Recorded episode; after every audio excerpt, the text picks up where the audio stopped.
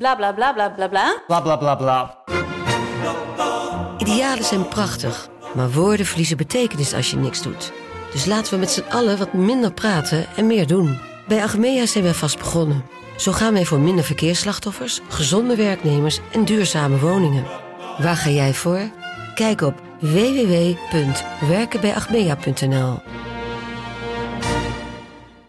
Laat me je voorstellen aan Pim Verlaan. Begin op een hele jonge leeftijd met beleggen. Die horizon die jij hebt, gaat zoveel voordeel opleveren. En Pim is een man met een missie.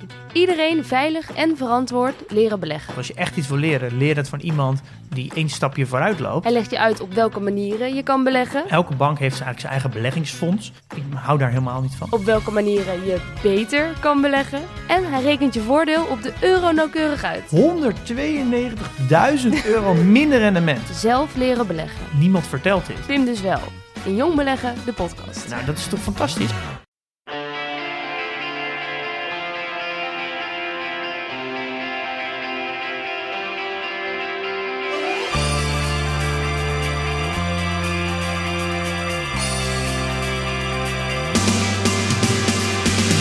Welkom bij Poki, een podcast over kunstmatige intelligentie. Waarin wij, Wietse Hagen en Alexander Klupping, je meenemen in de bijzondere wereld van AI.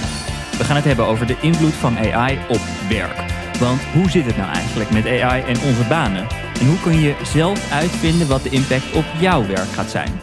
We kijken naar een aantal sectoren waar eigenlijk de invloed nu al heel groot is. Bijvoorbeeld in de creatieve sector en bij programmeurs. Die laatste categorie vinden nu al heel veel impact op hun dagelijks werk. En de vraag is of zich dat gaat doorzetten naar andere banen. Wij denken van wel.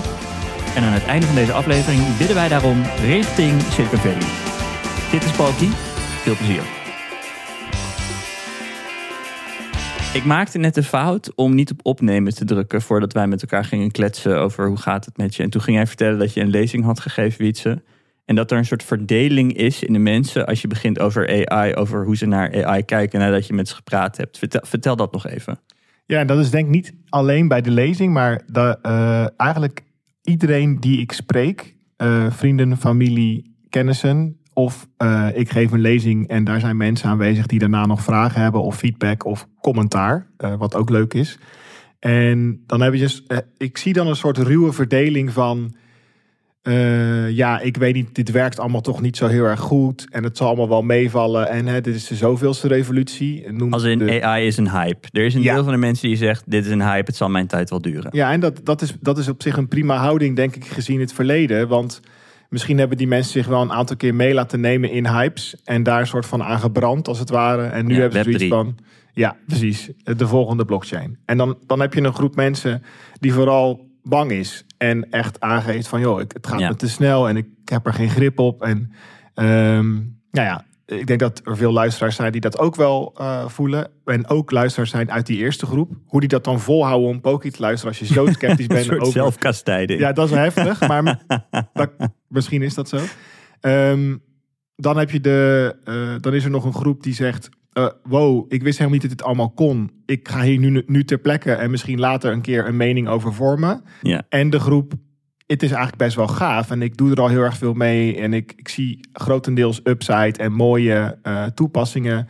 En dat is, um, ja, dus je hebt eigenlijk de, het zal wel meevallen. Ik vind het eng. Wauw, wat cool. En wat kan dit allemaal eigenlijk? En hoe kom ik dan in een van die eerste drie categorieën terecht? En wat is de verhouding tussen deze groepen? Ja, ik zat een beetje. Het is toch weer een soort belcurve. Hè? Dus zo'n bel, zeg maar.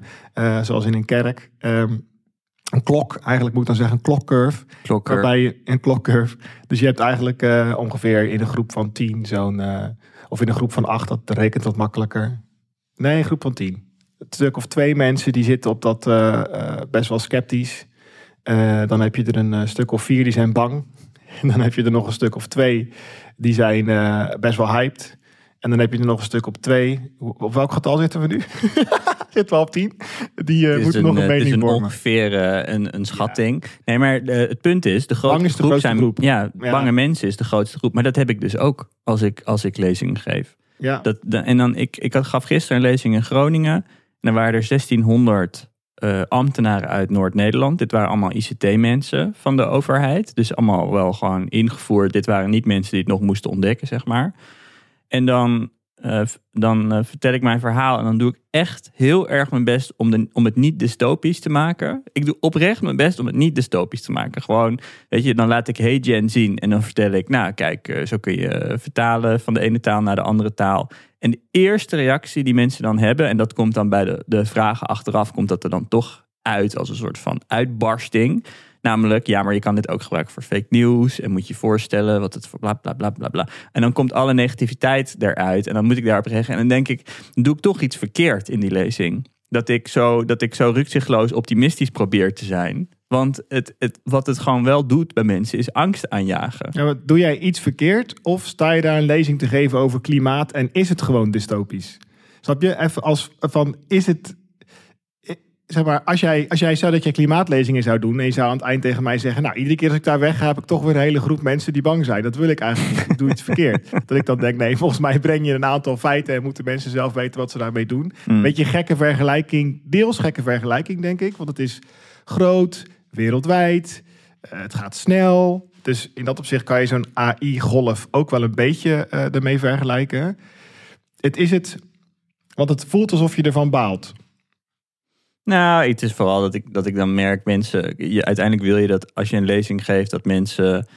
Uh, het is niet erg als het iets losmaakt en dat het emotie oproept. Dat vind ik juist alleen maar heel erg goed. En daar slaagt het wel in. Maar je hoopt ook dat, dat hetgeen je probeert. Het, de, wat, wat je van tevoren bedenkt dat je wil overdragen, dat dat ook hetgeen is wat in de hoofden sluipt. En dan blijkt achteraf uit de QA blijkt dat ik gewoon met, een, met intentie A alles staat vertellen. En dan blijkt achteraf dat, dat dat helemaal niet overkomt. Omdat ik als een blij ei alle voordelen sta te bespreken.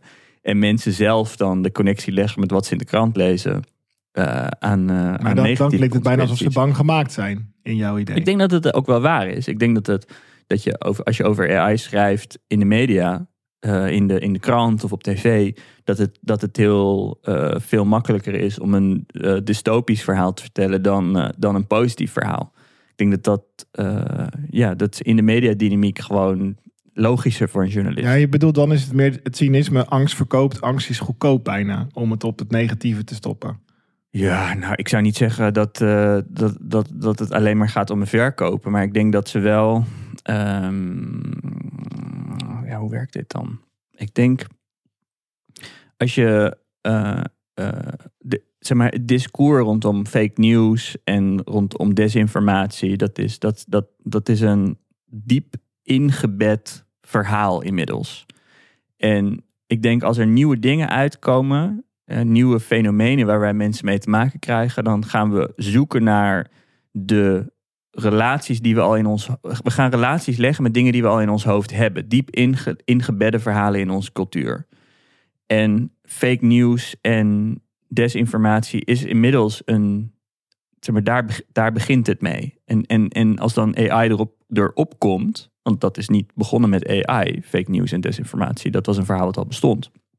En als AI er op komt en die kan dat erger maken, dan werkt, denk ik, het menselijk brein en daarmee ook de mediadynamiek. Dus ik zou niet media daar de schuld van willen geven. Ik denk dat het heel logisch gevolg is van de manier waarop wij denken. Dat we de connectie leggen met dat dieper ingebedde ja, verhaal wat we onszelf altijd maar vertellen. Stel dat je uh, deze gemiddelde burger bestaat niet hoor, maar ik ga hem toch creëren. Laten we er Sjaan noemen. Ja, die, die heeft de social dilemma. Die heeft Hanny de social... uit Takkenstraat in Utrecht. Die heeft de social dilemma gekeken op Netflix op aanraden van een collega daarmee gezien wat er allemaal gebeurd is rondom Cambridge Analytica. Wat voor enge dingen er met data zijn.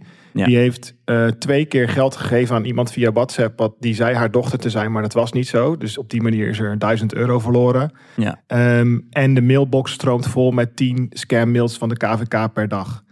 Ik denk dat uit puur ervaring, los van wat ze in de media heeft meegekregen. De media helpt dan misschien om dat gevoel te framen. Maar dat ze een dat er een gevoel ontstaat richting technologie van ik zet misschien mijn mail maar liever uit en mijn telefoon ook maar uit. En ik ga wel naar de bank toe in persoon, want ik vertrouw niemand meer. Ja. En als er dan gezegd wordt, er is nu een superpower die heet AI, de elektrische fiets voor de geest. Ik hou hem er nog even in.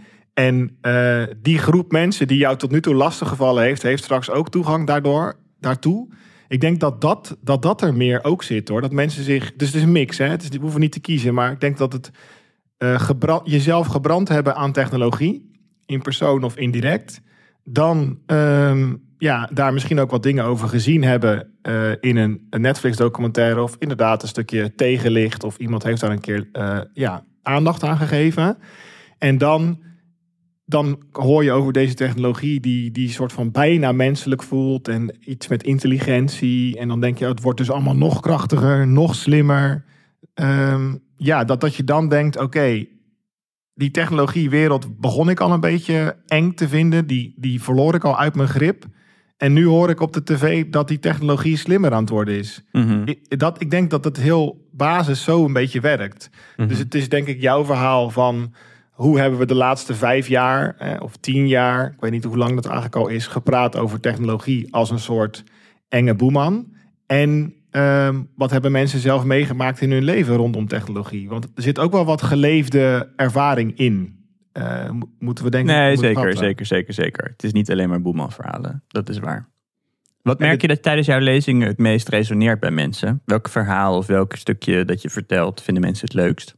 Um, nou, ik probeer vaak aan te geven wat we kunnen en wat we nu niet kunnen en straks wel kunnen. Dat klinkt echt heel leeg, maar um, dat, dan heb ik mooie voorbeelden, probeer ik dan te geven. Mhm. hè? Dus dan zeg ik, joh, er is best wel een groep mensen die uh, het bijvoorbeeld moeilijk vindt om zichzelf te uiten, waar wij het de vorige keer over hebben gehad. Daar komen ook een beetje die voorbeelden vandaan in Poki.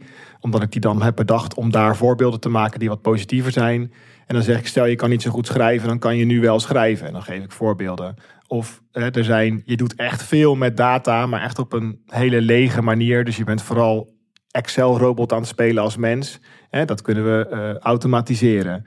En op zich, als ik dan over die saaie, die we het merendeel van de mens die ooit in een baan of in welke functie dan ook is geweest waar een computer is, nou dat zijn er een hoop, die kennen allemaal wel die taakjes. Van het plakken van veel data van de een naar ander, of het behandelen van een hele bubs mail.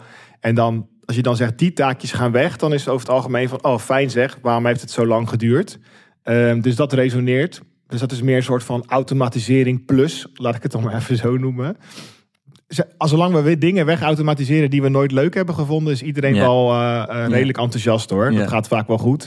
Want ja, dat soort taakjes. Weinig mensen ontmoet die echt zeggen: Nou, doe mij maar echt acht uur lang Excel-sheets doorlopen gewoon. Ja, ik heb dat met, eh, als ik laat zien dat je ehm, eh, met, eh, met Office in Copilot, dat je een st- stuk tekst kan schrijven. En dat dat ding dat kan omzetten in PowerPoint slides. Dus dat je kan zeggen, maak er Ja. 20 slides van. Dan, dan snapt hij het abstract of het soort van samenvattingsniveau wat je wil. Dan, en dan extraheert hij er hoofdstukjes uit. En die hoofdstukjes worden dia's. En de tekst worden bullets. En dan zoekt hij daar ook plaatjes bij. En dan maakt hij zelf een prestatie. En dat echt, als je dan, ik spreek meestal voor zalen met mensen die op kantoren werken. Nou, je ziet hun hoofden ontploffen. Als je geautomatiseerd Ja. slides kan maken. Ja, Dus het is dan ook een soort abstractieniveau. En het, dit is precies het abstractieniveau wat jij beschrijft. Namelijk, kijk naar je werk vandaag. Er zijn allemaal stomme taakjes die jij haat. En de robot gaat dat kunnen doen binnen nu in een jaar. het, het- ja en waar dan die, die, eh, dat dystopische of die argwaan, als het ware, die angst, laat ik het dan even samenvatten met het woord angst. Ehm, erin sluipt is... Maken we dan ook afspraken met elkaar binnen het bedrijf wat de scope is van de inzet van AI? Of gaan we het echt gewoon overal opgooien? En heb ik ook gewoon wel een serieuze kans dat de dingen die ik op een dag doe die ik leuk vind, Mm. er ook niet meer zijn straks? Want daar hebben we het wel eens eerder over gehad. Dat verhaal van we gaan alleen weg automatiseren wat mensen niet leuk vinden. Dit is letterlijk wat Sam Altman zijn trommel is waar hij de hele tijd op slaat van OpenAI. Die klopt gewoon niet met de realiteit van de tools die zij uitbrengen. Er Ja. zijn zoveel tools voor de creatieve industrie, waarin gewoon hele eh, nou ja, werkvelden weggeblazen zijn in de laatste zes maanden. Ja. En ik, ik denk dat daar ook een stuk argwaan zit van ja, je zegt A, maar jullie doen B. Dus, eh, en mensen zijn ook niet helemaal gek. Die hebben eerder beloftes gekregen van de organisatie waar ze voor werken of de overheid waar ze onderdeel van zijn. En dan zien ze andere acties. En dat geeft, eh, dat geeft een beetje die, die argwaan angstig. eh, Ik had, een, eh, ik, ik had een project waar ik een tijd geleden aan werkte. En de mensen met wie ik dat deed, die hadden een soort van webbouwbureau ingehuurd. En die maakten dan de website. En die hadden daar een CMS bij uitgezocht, een nogal exotisch CMS. En die hadden een heel ingewikkeld e-mailsysteem erbij uitgezocht. En die hadden nog allemaal andere systeempjes opgetuigd rondom eigenlijk een heel simpele website. Die echt niet zo heel veel hoefde te doen. En ik keek daarnaar, ik dacht, nou, het best wel een kerstboom die ze opgetuigd hebben voor dit, voor dit werk. Maar oké, fijn. Uh, en toen uh, ging ik kijken wat, wat ze eigenlijk betaalden hiervoor. Nou, toen schrok ik nogal. Want toen stond er ongelooflijk veel uur aan mensen die dingen zouden analyseren. En, en, en de meest gekke taakjes die gewoon op publish drukken in dit CMS behelsten. Uh, waar dan uren aan werk voor geschreven werden. En uh, dit was dan een soort van nou, webbureau wat veel werkt met de overheid en met grote bedrijven. En ik zei toen, maar waarom doen we dit? Waarom heb je niet gewoon een soort van WordPress dingetje en echt een simpele, laten we dit in Mailchimp, Mailchimp gooien alsjeblieft. Want dat is echt, het scheelt. Dus uiteindelijk heb ik de factuur naar een tiende gebracht van wat het, van wat het was. Ja. Uh, puur door gewoon wat gewoon simpelere dingetjes te installeren en alle bullshit eruit te halen.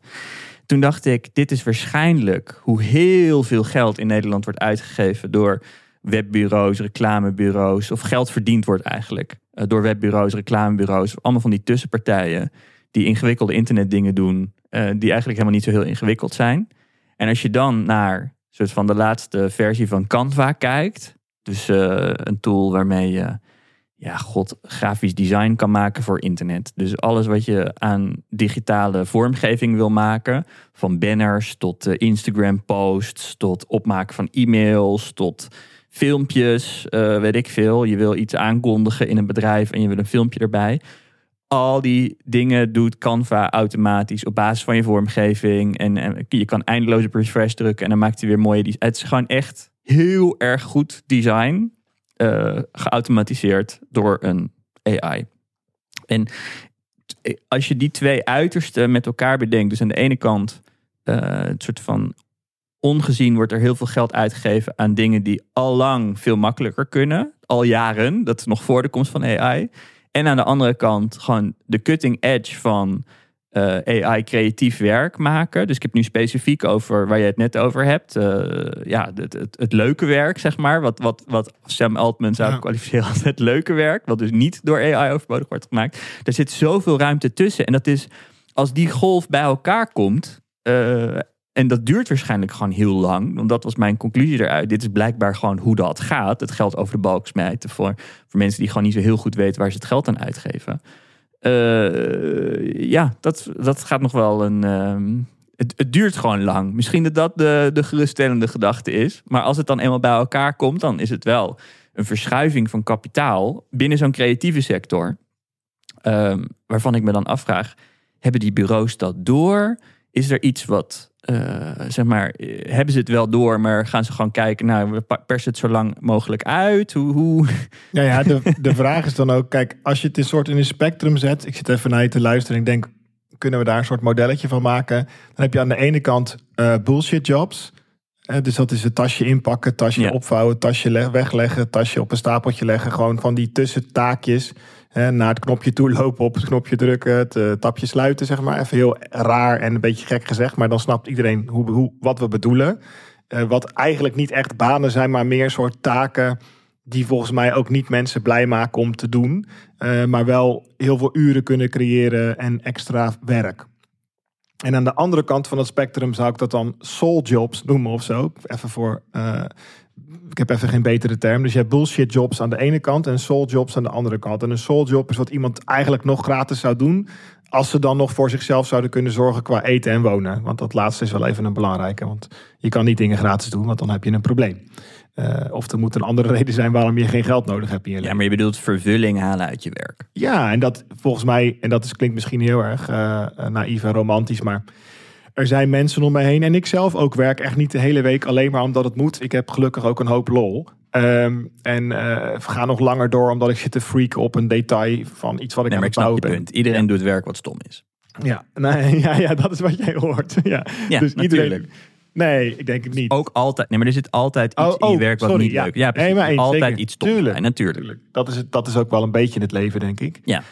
Um, en als je dan, wat, waar ik mee zit, is, kijk, als we al een definitie konden maken, oké, okay, een, een, een goede, sterke, veilige, heldere definitie konden maken van bullshit jobs, dan moet je dan bijna zeggen van dat moet je aan de persoon zelf vragen. Vind je dit bullshit wat je aan het doen bent iedere dag? Oké, okay, dan -hmm. is het een bullshit job. Misschien is dat de definitie. Ja. En als we dan zeggen, uh, AI wordt alleen maar ingezet om die jobs uh, te vervangen, zodat mensen meer tijd kunnen gaan besteden aan soul jobs of soul tasks, whatever hoe we het noemen, dan, dan ja, ik weet niet hoe, daar zullen niet heel veel mensen zijn die daar iets op tegen hebben. Het probleem is dat je nu, uh, stel dat wij dat met z'n tweeën nu zouden beloven, hè, van dit wordt het, dat ik dan al vrij snel vrienden aan de telefoon heb die zeggen, hey man, ik, ik ben illustrator en uh, ik heb gisteren gehoord dat ik mijn grootste klus kwijt ben. En Alexander en jij hadden toch beloofd dat we alleen die bullshit jobs kunnen doen. Want ja. Eh, Dali 3 heeft letterlijk mijn hele artstijl gekopieerd. En rolt nu gewoon zeven politieke cartoons per seconde eruit. Mhm. Dus thanks, I guess. Weet je, ik zeg het even naar. Maar die, er zit een... En nu, het zijn eigenlijk twee verhalen tegelijk. Waar allebei een deels waarheid in zit. Is er heel veel bullshit? Ja. Dat is, ik denk dat, dat er weinig mensen zijn die er zullen zeggen... nee joh, iedereen doet uh, inhoudelijk belangrijk en fijn werk. Maar er is ook heel veel wel inhoudelijk fijn werk. En dit ding, die golf, die maakt gewoon geen onderscheid. Mhm. Daar lijkt het nu op. En daar, ik denk dat daar heel veel terechte weerstand is. Van ja, prima. Je hebt, ik had acht uur per week lol. En de andere de helft was som. Maar jullie hebben de hele week weggehaald. Ja, en dit is dus, dit zeg je allemaal in relatie tot tot wat je eerder zei, namelijk uh, mensen zien dat er uh, werk potentieel overgenomen gaat worden door robots, maar vanuit het bedrijf is er geen scope aangegeven. Dus vanuit hogerhand is er geen scope aangegeven wat zij eigenlijk toestaan of wenselijk vinden waarin AI een rol speelt. En ondertussen heb je daardoor een soort van wildgroei onderop in de organisatie, waarbij mensen gewoon maar het zelf gaan gebruiken. En collega's, of als het niet zelf doen, collega's het zien gebruiken. En gewoon angstig worden van het idee dat het van de onzekerheid eigenlijk. Dat kan ik me heel goed voorstellen. Ja, omdat ze eerder, uh, ja, hoe zeg je dat? Voorgelogen klinkt zo zwaar, maar ja, dat het niet helemaal klopte wat er wat verteld. Omdat ze dat hebben meegemaakt. Dat zie je ook een beetje wel bij mensen die al wat langer ergens mm. werken of al wat langer leven. Dat die mm. zeggen, ja, ik heb al meerdere automatiseringsgolven meegemaakt. Hè. Er, zou alleen uh, het gevaarlijke werk zou geautomatiseerd worden. Maar uiteindelijk, uh, ja. Ik las een stuk waarbij iemand zei, precies over deze sector, die creatieve sector we het net over hadden, dat je, een, uh, dat je ook een ander businessmodel zou kunnen proberen te verzinnen. Namelijk, stel je bent artiest. Kijk, het gaat helemaal uit van het idee dat je bent illustrator, bijvoorbeeld. Je hebt een bepaalde illustratiestijl. En je uh, als je nu uh, koud aan Dali vraagt, uh, teken iets in, in, in, in die stijl, dan is hij er misschien niet zo heel erg goed in. En de verwachting is dat je dan een model kan trainen of kan fine-tunen op basis van die illustratiestijl van een specifiek persoon. Bijvoorbeeld een illustrator waar een reclamebureau graag mee werkt. Dat je al die stijlen van die specifieke illustrator als het ware traint in het model. En dan is die illustrator vanaf dat moment overbodig. Nou, dat is niet een heel erg lekker businessmodel voor die illustrator. Dus wat dit artikel claimde was: laten we een nieuw businessmodel bedenken waarbij je uh, een aantal mensen die je heel erg goed vindt, uh, uh, ja, als het ware het model laat trainen. En vanaf dat moment krijgt, um, krijgen die, die creatieve mensen tot in oneindigheid een aandeel in het werk wat geproduceerd wordt door die AI. Ik denk dus dat daar, daar zit wel de aanname in, of in ieder geval, uh, je kunt uh, geld verdienen. Nee, je kunt illustraties maken om geld te verdienen. Of je kunt geld verdienen zodat je illustraties kunt blijven maken. Dat is een beetje anders. En in dit geval die, die illustrator is daar bijna, uh, dan zeg je van nou weet je, je maakt geen illustraties meer, want dat doet nu jou, door jou getrainde model, maakt nu je illustraties. Dat heb je mhm. outsourced aan een model. Ja.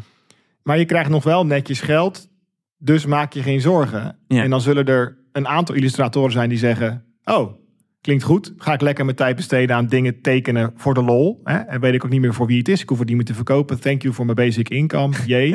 maar ook heel veel illustratoren die zullen zeggen... Um, ik tekende die cartoons ook omdat ik dat oprecht zelf wilde doen en dat oprecht zelf ook wilde terugzien ergens op een website. Ja, oké, ik begrijp wat je zegt, maar hardop nadenken. Zou het dan niet kunnen dat een illustrator bijvoorbeeld per, um, per opdrachtgever net een andere stijl hanteert? Ik bedoel, het is niet altijd precies hetzelfde wat je maakt. Je hebt, je hebt waarschijnlijk een aantal verschillende stijlen.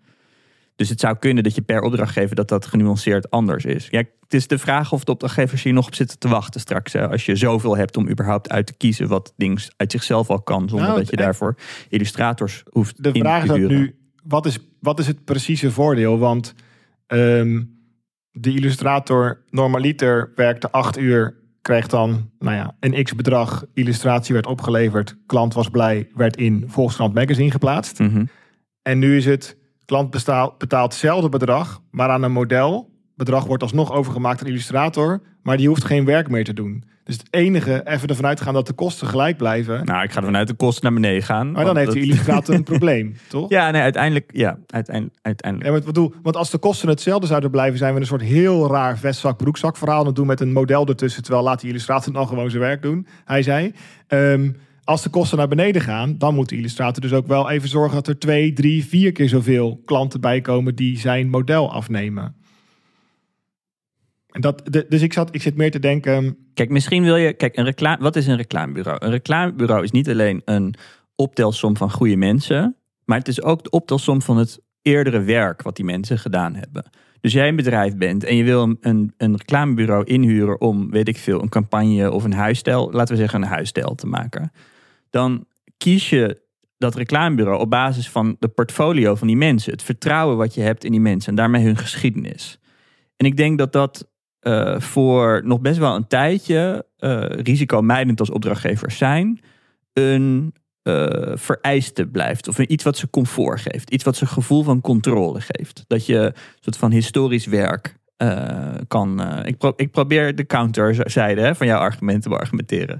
Um, en um, als je dan kan zeggen, nou, wij zijn reclamebureau X. Wij hebben poppetje A, B en C in dienst en die hebben een grote staat van dienst. Ehm, en ehm, als jij een huisstijl wil hebben, dan, uh, dan, dan komt er dus iets uit uit de optelsom van deze drie mensen. Ik denk dat er bedrijven en daarbij marketingmanagers van die bedrijven zijn, die dan denken, nou, poppetje A, B en C zijn fucking goed. Uh, ik wil dat er, ik wil dat dat ertussen blijft zitten. Ik wil dat er iemand, dat er, dat die AI, als prima dat er een AI gebruikt wordt, maar dat wel gewerkt wordt op basis van het corpus van die drie mensen. Dat dat alsnog waarde blijft hebben. In plaats van soort van alsof je de hele tijd in Google op uh, I'm feeling lucky drukt bij iedere keer dat je uh, een, zoek, een, een, een query, een zoekquery ja, draait je, je zegt eigenlijk human in the loop, hè? zoals ze dat ja, in die wereld noemen. Een, ja, human in the loop, maar ook een specifieke subset van wensen.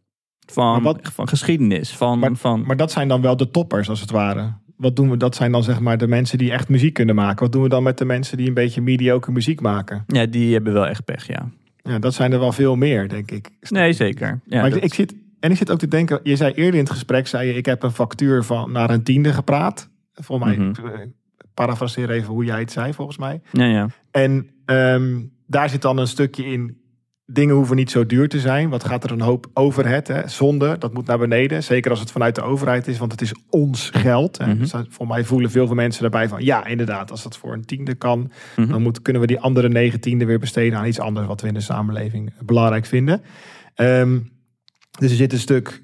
Uh, het kan eigenlijk voor minder geld gedaan worden. En ik denk misschien ook snelheid want als je, wat, wat ik in jouw verhaal ook hoor, je kunt je afvragen, waarom zijn we dit ook weer eigenlijk allemaal aan het maken? Gewoon even, ik doe die vraag zo één keer per week als ik s'avonds niet zo goed kan slapen, dat ik denk, wat, wat, wat? Waar, weet je, kwam er een soort decreet vanuit de hemel waar stond, gij zal AI gaan maken? Of, oh nee, het ding ontstaat gewoon en er zit een soort, ja, uh, er zitten meerdere krachten achter die ja, die, die met elkaar samenkomen. Hè. Er zit een stuk. Uh, we moeten grote wereldproblemen oplossen. En daarvoor hebben we meer technologie nodig en intelligentie. Dat, dat leeft bij mensen. Er zit een.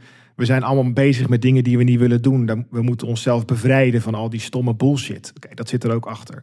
Dan is er nog iets. Uh, we hebben blijkbaar gigantische ambities of zo met het menselijk project. En we willen groter en we willen verder en we willen naar andere planeten. En het moet sneller, want heeft haast op een of andere manier. Ja, dat is een doel op zich, toch? Ja. Dat, en, ik denk dat dit de, de belangrijkste drijvende kracht is. Gewoon making magic, omdat het kan. Ja, maar dan de vraag is van hoe...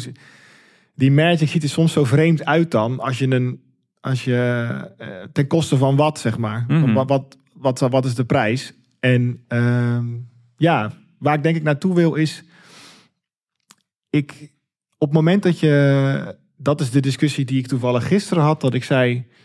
Weet je, het, wordt, het is makkelijk om ehm, iets wat duidelijk negatieve effecten heeft. Hè? Dus meer spamcalls, uh, meer rare uh, spullen op TikTok, allemaal gekkigheid dat je daar dan van zegt van nou, als dat is wat AI veroorzaakt, dan uh, hoeft het voor mij allemaal niet. Mm Tot je dan een NOS-bericht leest, uh, veel naïef van mij hoor, maar NOS-bericht met uh, doorbraak in, het is het ontstaan van kanker in kinderen. Ik zeg het maar even heel heftig. Mm -hmm. dankzij een AI-folding model wat door OpenAI gemaakt is. En, ja. dan, en dan, dat het nieuws ook nog eens echt is. Dus niet een mogelijk ooit op 1% en het werkt op een rat. Nee, we hebben gewoon hier een medicijn en als we dat ja. toepassen, dan zijn die kinderen gewoon snel beter. Ja, dan, dan krijg je een. Ja, het is alsof er een nieuw persoon in het dorp is komen wonen. die en een hoop herrie maakt. en overal rondloopt en uh, diertjes aan het verzorgen is. Dat je denkt: wat moeten we nou met Kees? Moeten we hem er nou uitgooien of gaan we hem nou houden?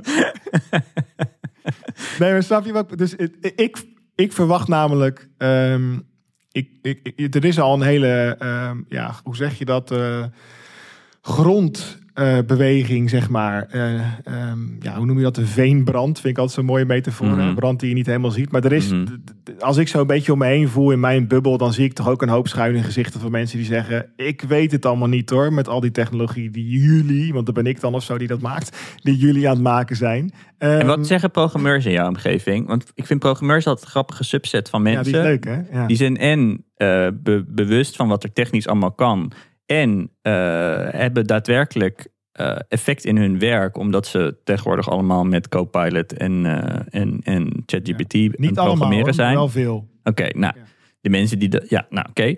Eh, en kunnen daar, hebben daardoor... eh, lopen eigenlijk voor, voor mijn gevoel een beetje op ons voor. Want het is een soort van werk waar, gewoon, waarbij ze sneller eh, nieuwe ontwikkelingen omarmen. Gewoon bij de gratie van het feit dat ze de hele tijd achter een computer zitten en technische, nieuwe technische dingen eh, maken.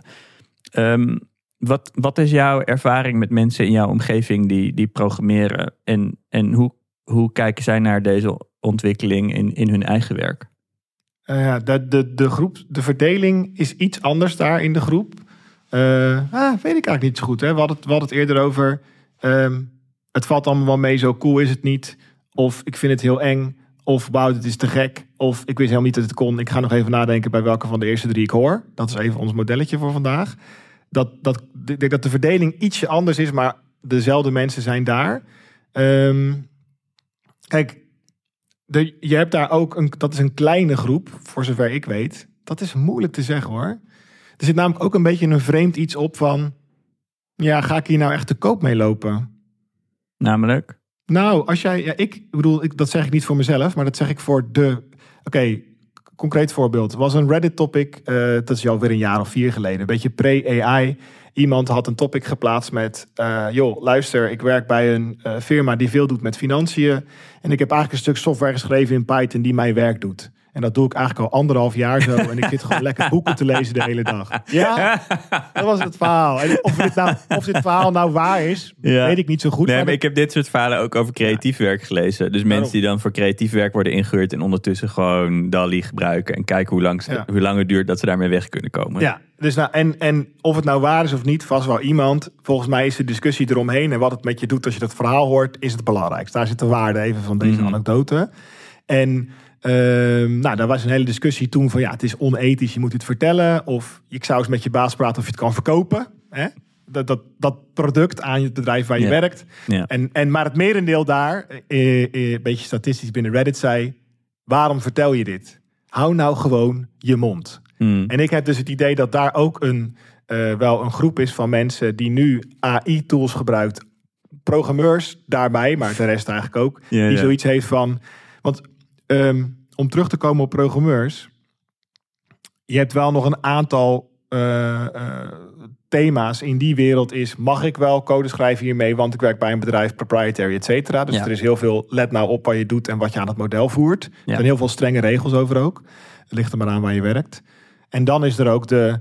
Oké, eh, ik, heel vaak, ik heb niet het betaalde model, ik gebruik het oude model, ik test het één keer en hahaha, zie je hoe slecht het is. Ik ga heel snel bewijzen hoe slecht het is. Dat, zie je, dat is echt een grote groep die uh, tot de max gaat duwen en dan heel snel wil laten zien, haha, het is toch dom. Hmm. Zie je, we zijn nog nodig, zoiets denk ja, ik dan. Ja. En Dan, dan zeg ik altijd, nou doe dan in ieder geval even het nieuwste model en blijven testen. Um, ik, een beetje warrig verhaal, maar er, er speelt van alles. Het is ook nog eens zo dat op het moment dat jij. Uh, ik hoor ook heel vaak. Ja, je moet het niet gebruiken. Ja, het punt is, als je drie collega's hebt die het wel gebruiken, dan wordt het mhm. verwachtingspatroon van jouw werk wel anders. Ja. Dus dan zal je het, of moet je even snel kunnen gaan werken als een AI. dus step up je game, man. Of uh, je moet het gaan gebruiken. En geloof jij het getal wat vaak geciteerd wordt, dat, uh, dat als, je, als, je, als je gebruik maakt van de mogelijkheden die er nu zijn, dat het de helft van de tijd scheelt? Als programmeur? De helft van de tijd nee. Het ligt zo erg aan je werk. Kijk, ik, ik maak altijd een beetje een, een uh, uh, misschien voor sommige luisteraars suf, maar een onderscheid tussen. Ik zie mezelf bijvoorbeeld meer als een soort script kiddie of zo.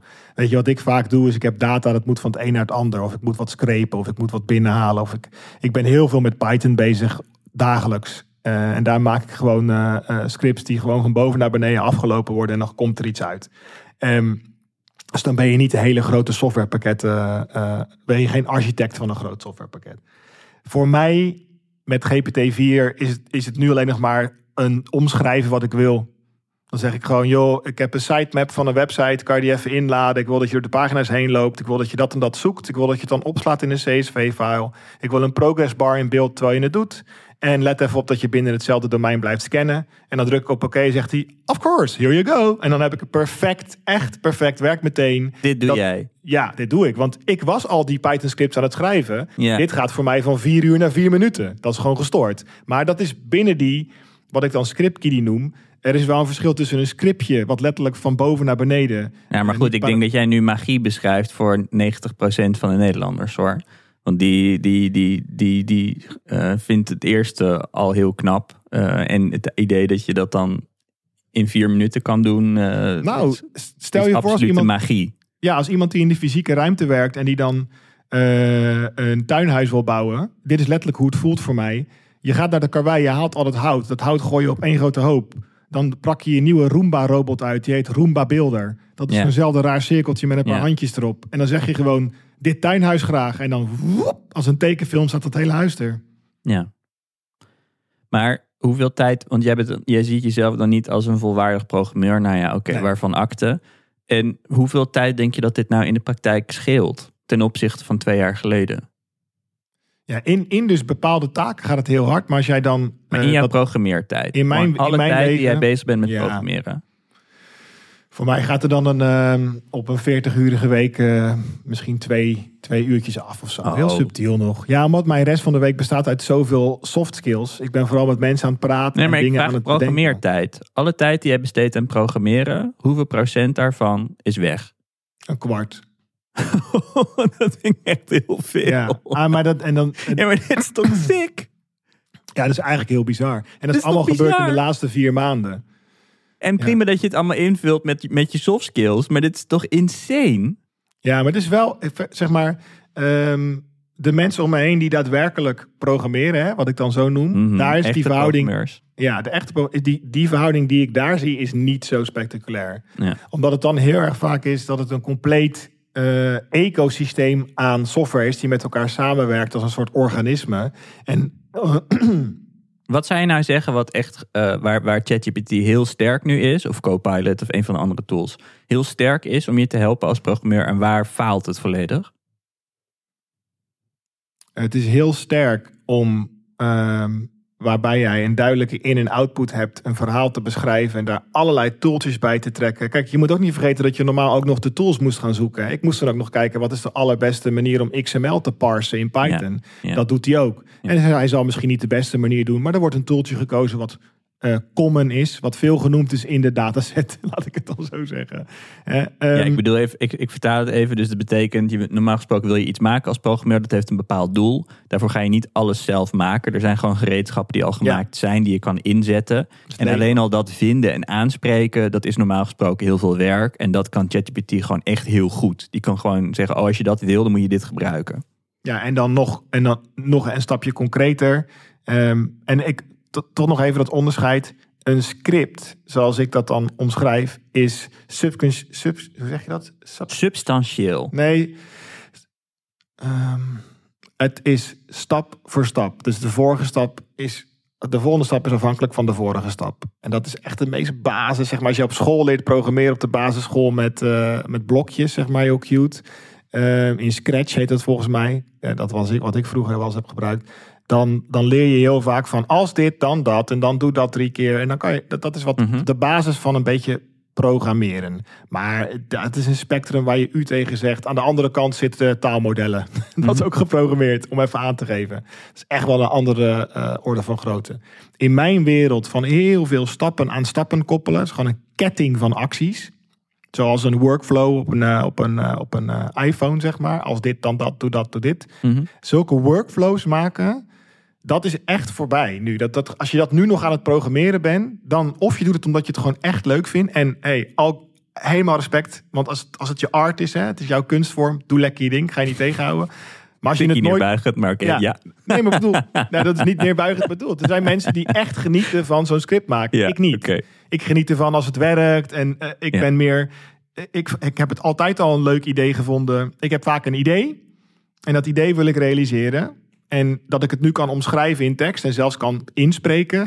en dan dat dat script eruit rolt die doet wat ik wil. Dat voelt voor mij heel erg fijn. Omdat ik dan mhm. denk, nou, dat scheelt echt een hoop zoeken. En um, concreet, wat laatst gebeurde is, ik was dus bezig om, nou ja, een rommelige dataset te parsen. Parsen betekent dat je de dingen uithaalt, dat je het interpreteert deels. En ik had het script laten schrijven door uh, eh, GPT-4. En toen draaide ik het script en toen liep die vast op 81%. Want er zat blijkbaar iets in die set van een raar karakter of zo. En die, daardoor viel die uit elkaar. Mhm. dus, toen, dus toen, ik dacht, nou, oké, ik ga naar die error. Ik plak die error in GPT-4. Ik zeg, hé, hey, maar je hebt net het script geschreven, maar dit gebeurt nu, weet je wel, op 81%. Ik was niet boos, hè? Want dat word ik nooit. dus ik zei, wat gaan we hier aan doen?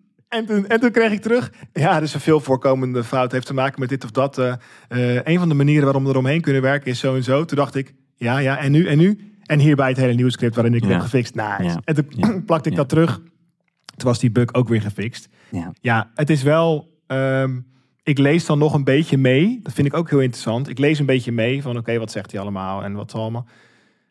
Maar ik kan je nu niet vertellen hoe hij het eigenlijk heeft opgelost. Dus dat is ook wel bijzonder om te merken. Ik heb daar eigenlijk dan, neem ik daar geen tijd vragen? voor. Want ik vind gewoon het iets, ik doe dat soms. Dan gooi ik gewoon uh, code erin en dan vraag ik om me uit te leggen wat er in die code gebeurt in normale taal. En dan slaagt dat ding daar echt heel goed in. Dit ziet eruit als een functie die bla doet. Die, Dat vind ik heel vet, want ik ben niet, zeg maar, jij vindt jezelf geen programmeergod, maar in, ik, ik kan niet eens in jouw schaduw staan. Maar ik begrijp met ChatGPT gewoon wat er gebeurt in code. Ik vind dat echt super cool. Dat ik computercode erin kan gooien en dat ik normale tekst terugkrijg. Weet je wat er misschien een goede is om een beetje beeld voor de luisteraar te krijgen? Ook nu jij uh, dit net zo zegt. In die uh, zelfrijdende autowereld heb je van die levels, hebben ze gedefinieerd. Voor mij is dat ergens in de state of San Francisco ooit bepaald. Maar dat wordt nu wereldwijd inmiddels volgens mij zelf gebruikt. Je hebt level 0, 1, 2, 3, 4, 5 uit mijn hoofd doet even niet toe welke levels het precies zijn. Of één. Nou ja, het gaat over de, die levels. Hoe hoger je gaat, hoe beter de auto helemaal zelf kan sturen. Ja, dus je hebt bijvoorbeeld op een laag level is het hij kan afstand houden tijdens uh, cruise control en lane assist. Hè. Dus best wel wat auto's die nu verkocht die worden. Die kunnen dat al. Die kunnen dat al. En maar die, dat zijn, dat zijn geen zelfrijdende auto's. Nee. Maar op het moment dat jij een beetje uit de lijn begint te gaan op de snelweg, wel heel eventjes zijn ze zelfrijdende auto's. Ja. Heel eventjes. En ik denk in deze levels, als we het dan hebben over uh, het domein van programmeren. Eh, stel dat jij jezelf dan zet op level 0 en ik zet mezelf op level 1. Eh, prima. Dan is er nog 2, 3, 4, 5. En dan zit voor mijn, uh, wat ik weet van uh, programmeren en die wereld, zit GPT-4 nu op level 1. Mm -hmm. Niet op 2, 3, 4, 5. En mm -hmm. ik heb dus veel 2, 3, 4, 5 programmeurs om mij heen die dat dan testen. En echt, die weten ook vaak heel snel hoe ze het kunnen laten, laten kapot gaan. Want die, heb, die hebben ook een stukje trots. Van ja, hallo, wacht even.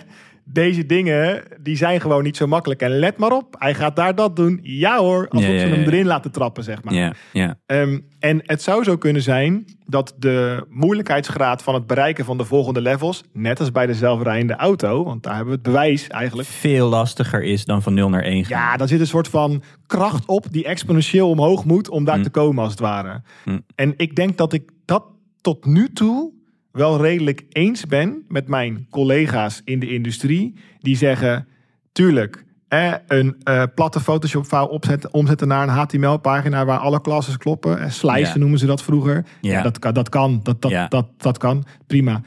Maar en dan misschien zelfs dat ontwerp van tevoren een beetje maken. Dus we laten een ontwerpje doen door DALI 3 en dan slicen door GPT. En dan uiteindelijk hebben we een website dat dit, deze tools zijn er ook al trouwens. Hè?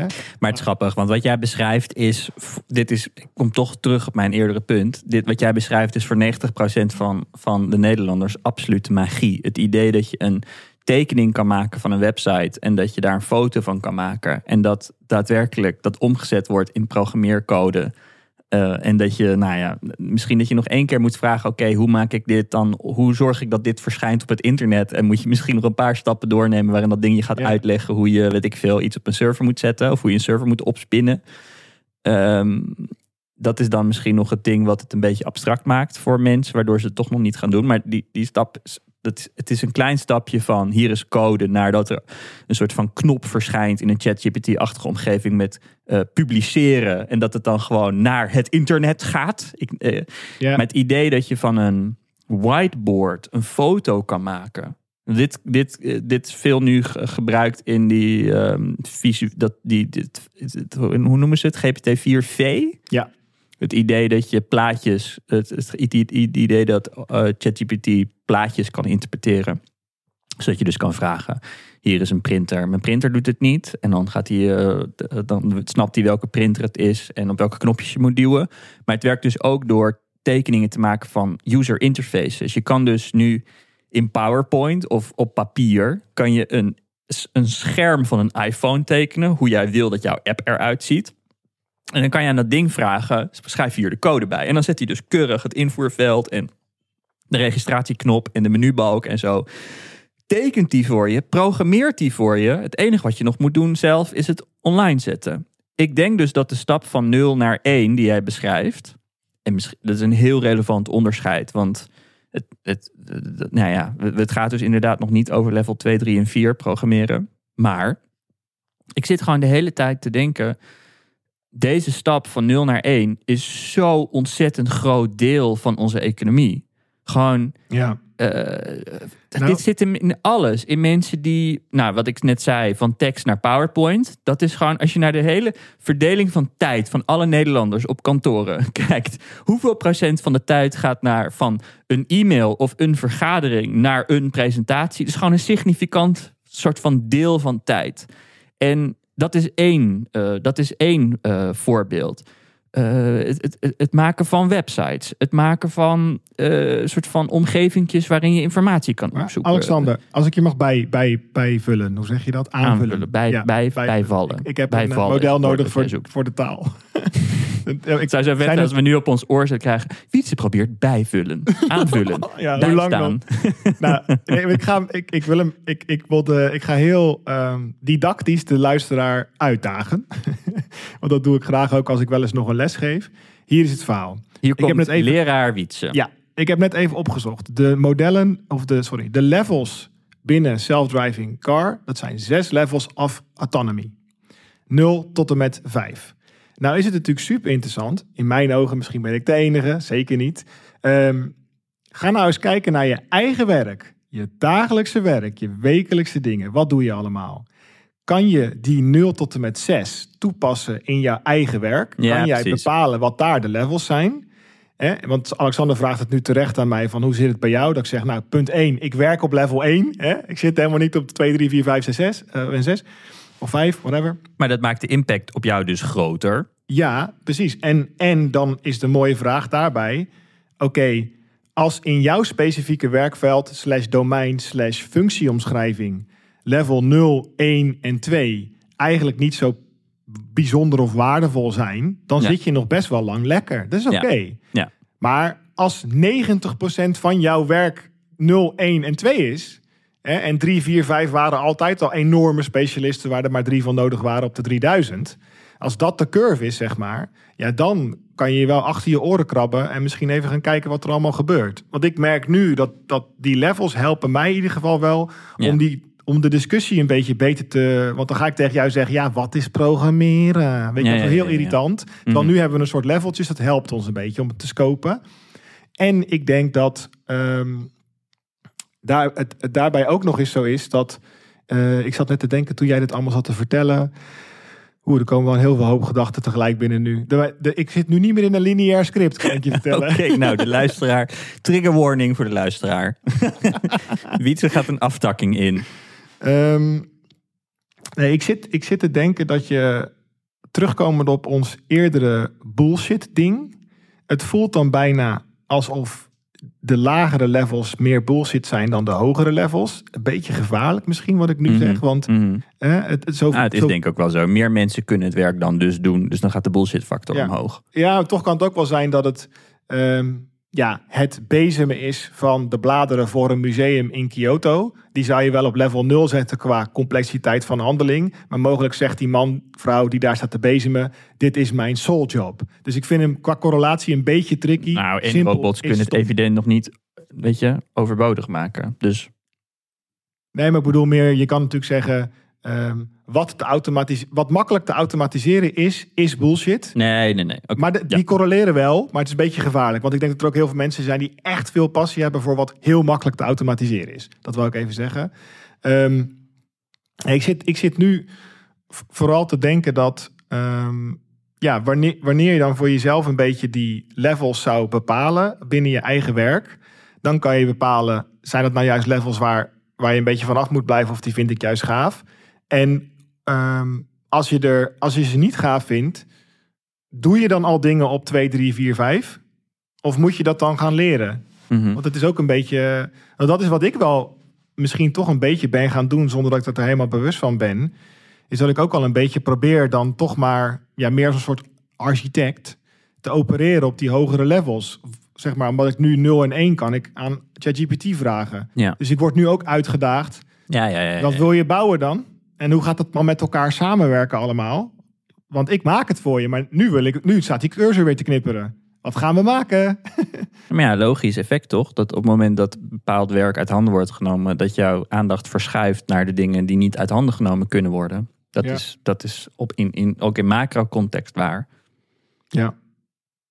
Ja, en het zou, het zou dus ook nog zo kunnen zijn in ons verhaal dat uh, in, voor bepaalde domeinen, bepaalde functies, Ehm, dat daar een enorme exponentiële curve in gaat zitten, zoals bij de zelfrijdende auto gebleken is. Maar dat is ook weer geen garantie. Het zou zomaar kunnen zijn dat jouw specifieke taak, werk of domein in één keer van level 0 tot 5 klapt in drie jaar. Ja. Want er waren gewoon niet zoveel barrières om op dat level te komen.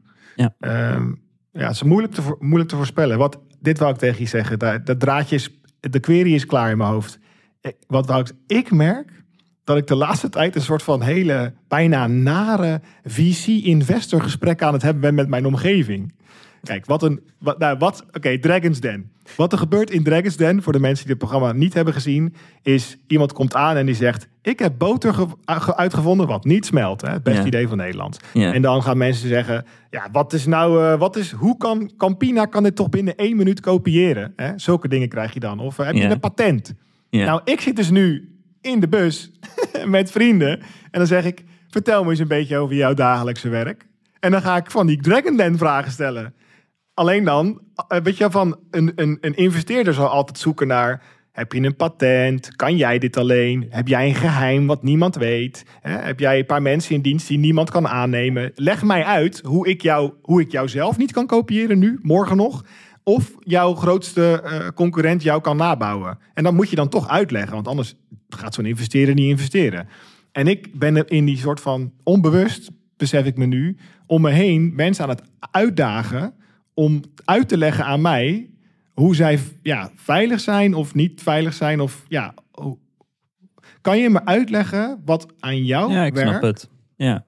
Maar misschien is dit terughakend op het begin, namelijk dat er heel veel mensen die als je verhalen vertelt over AI er angstig van worden, dat je geïnformeerde angst en ongeïnformeerde angst hebt. En dat je in ieder geval nog voor kan zorgen dat je geïnformeerde angst hebt of dat misschien het zo is dat als je jezelf informeert dat je minder angstig wordt. Want je kan voor je eigen werk, de manier waarop je nu je week, uh, de tijd in je week verdeelt, kan je, kan je proberen na te gaan in welk level zit dat werk en wat is dus de kans dat dat, dat uh, door Microsoft Copilot overbodig gemaakt gaat worden op het moment dat de IT-beheerder in het bedrijf dan eindelijk die, zoals van dat vinkje aanzet in, in, voor, voor Enterprise Office. Um, dan heb je in ieder geval een idee van de, van de, van de impact op, op korte termijn. En dan kun je dus ook, als je, als, je, als je ervan schrikt van het resultaat, kun je dus ook handelen. Je kan je dan, zoals jij, uh, je bent gaan specialiseren in level 2, 3, of in ieder geval bewuster tijd bent gaan besteden in level 2, 3 activiteiten, kun je dat zelf ook gaan doen. Het is best een grappige lens om naar je werk te kijken. Maar het voelt ook, het voelt ook wel weer heel erg um, Hunger Games. Want je krijgt dan, ja, dat we allemaal rond aan het rennen zijn van wat, waarom ben je, weet je, blijf even stilstaan. Nee, nee, nee, kan ik. Ik moet naar level 3. Ik moet naar level 3, want er komt, je, als ze vreten achter mijn rug, vreten ze level 2 op. Nee, ik snap dat er mensen zullen zijn dat die, die, waarbij dit een basis voor angst zal blijven. Maar er zullen ook mensen zijn die, ik weet niet, misschien uh, goed gemutst vervolgens uh, bedenken, nou hier ga ik dan, uh, ga ik me specialiseren hierin. Ik denk wel dat de olifant in de kamer blijft. Dat, en dat hebben we helemaal aan het begin van Poki, jaren geleden in de tijd. ja. Ehm, kijk, als ik in die Hunger Games situatie in een metaforisch bos ben en ik zie daar een van mijn vrienden heel gestrest onder een boom even uitrusten en dan zeg ik wat ben je aan het doen? Ja, ik was gisteren nog op level 2, maar die hebben ze ook al weggehaald. Ik moet naar level 3, dus ik ben mezelf aan het upgraden. En dat ik dan zeg, joh, blijf lekker rustig zitten. En dat hij dan zegt, dat kan niet. En dan vraag ik, waarom niet? Nou, dan heb ik een probleem. Wat is dan je probleem? Ik heb geen baan. waarom is dat een probleem? Ik heb geen geld. Mhm.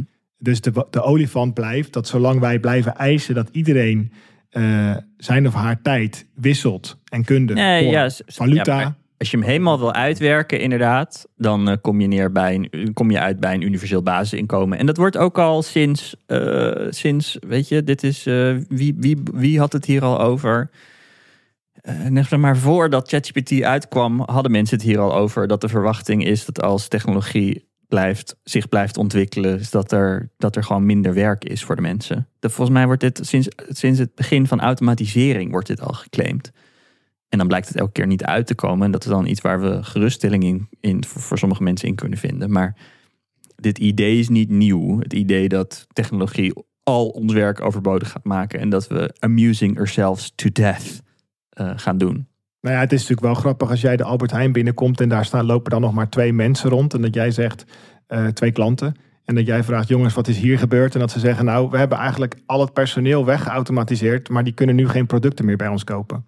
Ja in een microcosm van alsof als de Albert Heijn de enige werkgever was en ook de enige plek waar je je geld uit kon geven, dan is het voor hun natuurlijk helemaal niet gunstig om hun eigen personeel uit weg te automatiseren, want het zijn ook hun klanten. De wereld is veel groter dan dat en die transactie is niet zo AB, maar het is wel, ja, als straks 80% van, van de, uh, de burger uh, die zou kunnen werken en moet werken geen geld heeft, dan ben ik benieuwd waar de consumenten blijven.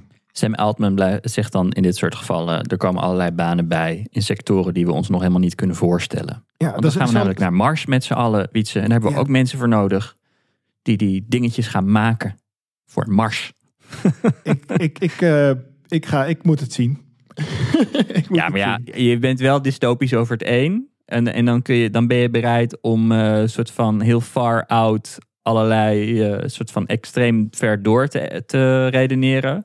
En je bent het niet bereid om dat de positieve kant op te doen. Zeg maar waarom ben je wel bereid de dystopie in te, in te redeneren, maar, maar niet het, uh, het soort van ja, radicaal optimistische? Dat nou, ik denk ook een keuze. Ja, is het ook. ik denk allebei bullshit. Nee, weet ik niet. Ik denk dat in het geval van. Um, maar dat, dat zegt meer over mijn karakter nu. Uh, hoe ik in het leven sta. Kijk, als ik voordat ik op vakantie ga helemaal ga bedenken uh, wat er allemaal goed kan gaan. Dan, het voordeel daarvan is dat ik dan al uh, heel veel energie krijg en mogelijkheden zie. En uh, ja, een soort van voorbeleving krijg voor een vakantie die nog moet beginnen. Dat is allemaal voordelen. Maar als ik het merendeel van mijn tijd steek in kijken wat, ik allemaal, wat er allemaal mis zou kunnen gaan op die vakantie. Klinkt echt heel verdrietig dit, maar. En ik steek daar mijn tijd in voordat ik ga. Kijk, de, de tijd steken in wat er mis kan gaan, is dan wel de betere investering. Even heel, uh, hoe zeg je dat? Gevoelloos gezegd, als het ware.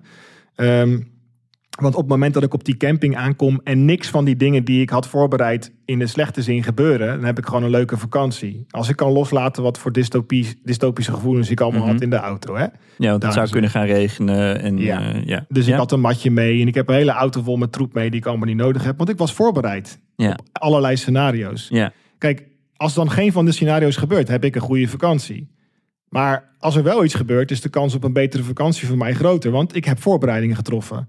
Dus ik. Maar het punt is dat je niet, waar deze metafoor fout gaat, is dat het niet, weet je, alleen maar de zon gaat schijnen en dat het allemaal kan meevallen. Uh, iemand die zich helemaal niet heeft voorbereid. Maar het, het verschil in tussen jouw metafoor en die van Sam Altman is dat Sam Altman zegt: er gaan allemaal dingen uh, ontstaan op die camping waar jij helemaal geen weet van hebt en die jou ongelooflijk positief gaan verrassen. Opeens blijkt die camping uitgerust te zijn met jetpacks.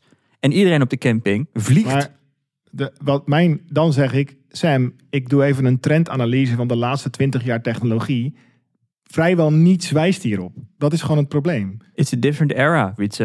A different era. Ja, dus, als, dus dan zouden nu ineens, en dat, ik hoop het, hè, laat dat duidelijk zijn. Ik hoop het wel, want ik wil niet dat dit gebeurt. Ja. Maar er moet een best wel radicale swing de andere kant op komen, een, een, een naar een utopie toe. En uh, dan kan je zeggen, nou, de hele dag praten over dystopie. Gaat sowieso niet zorgen dat we die kant Ja, maar jij, jij, jij bent aan de ene kant bereid om aan te nemen dat uh, het uh, soort van uh, deze tijd anders is dan normaal. En dat het allemaal veel sneller een dystopie kan worden dan twintig jaar geleden met de stand van de technologie. Dat ben je bereid om aan te nemen. Maar je bent niet bereid om datzelfde soort van mechanisme aan te nemen voor een optimistisch scenario. Je, maar je, we constateren toch allebei dat dit een andere tijd is door, door AI en ja, maar versnelling. Ik, ik, denk dat je daar, um, net zoals wanneer, wanneer jij een bedrijf hebt, uh, of organisatie of politieke partij, gebaseerd op een bepaalde waardeset, dan kan je alle technologie er tegen aangooien die je wil, maar die technologie zal die waardeset dan in ieder geval ten dele over gaan nemen en mhm. ook ingezet gaan worden voor die waardeset. Ja. Ik denk dat de onderliggende waardeset, noem ik het maar even, uh, van uh, een groot deel van onze wereldwijde samenleving, dat die niet klopt. Op het moment dat je daar dit soort superkrachtige technologie in gaat gooien, maar je hebt nog steeds het idee, ieder mens moet geld hebben om eten te kopen.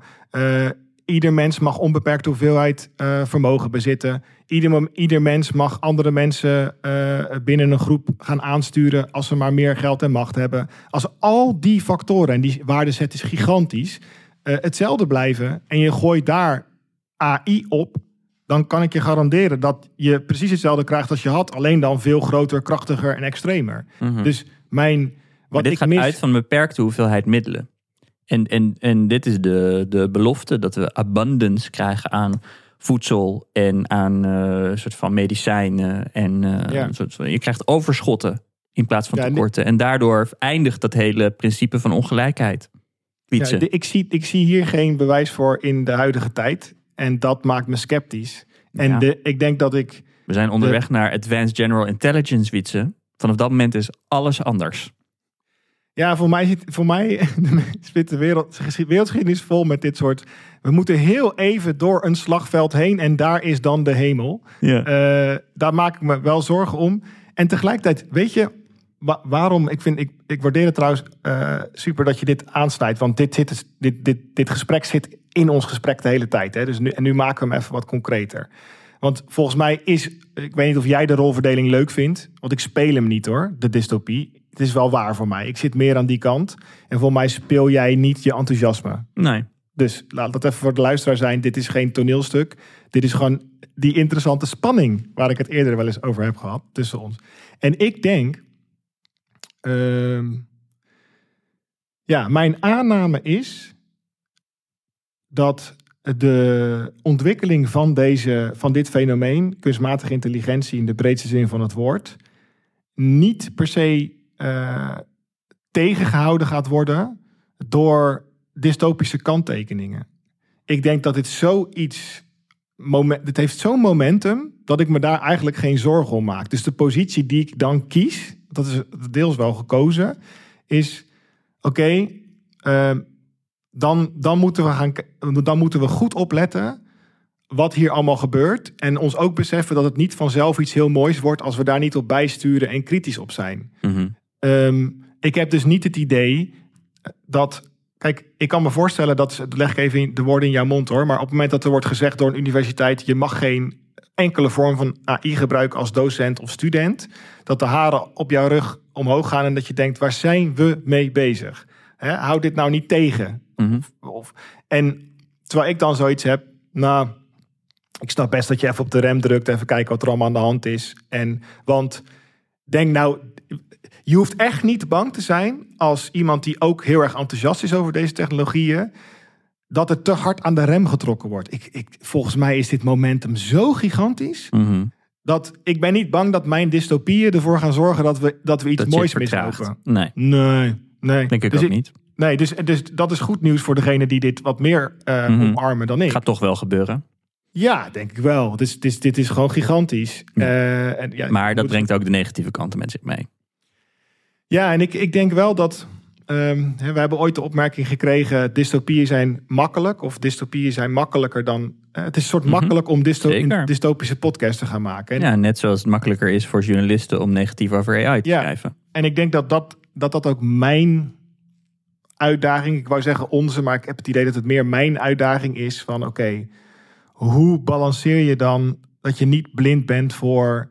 ehm, dat er gewoon wel veel, mogelijk veel ehm, mooie resultaten uit zullen komen. Kijk, je hebt het, dat standaard filmpje, en dit, dat, zeg ik even cynisch, maar ik meen dat serieus. Dat is Waymo eh, van Alphabet. Die laat zien hoe een blinde man eindelijk bij zijn vriendin langs kan gaan. Eh, In een zelfrijdende auto. Ja, en als ik dat kijk, ja, dan kan ik allemaal dingen gaan roepen van... oh, boeboe, kapitalisme, van wie is die auto? En er hangen camera's in, weet je wel. Dat is dan...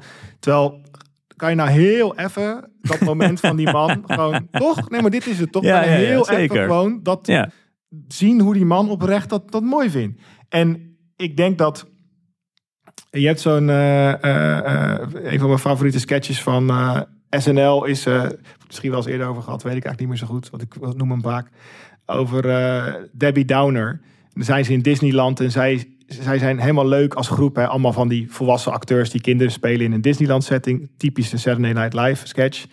En dan heel de tijd zeggen ze: "Ah, Het is leuk, hè? Ja, we gaan nog daarheen. En kijk, Mickey komt aanlopen. En dan zegt ze, komt ze iedere keer ertussen zo.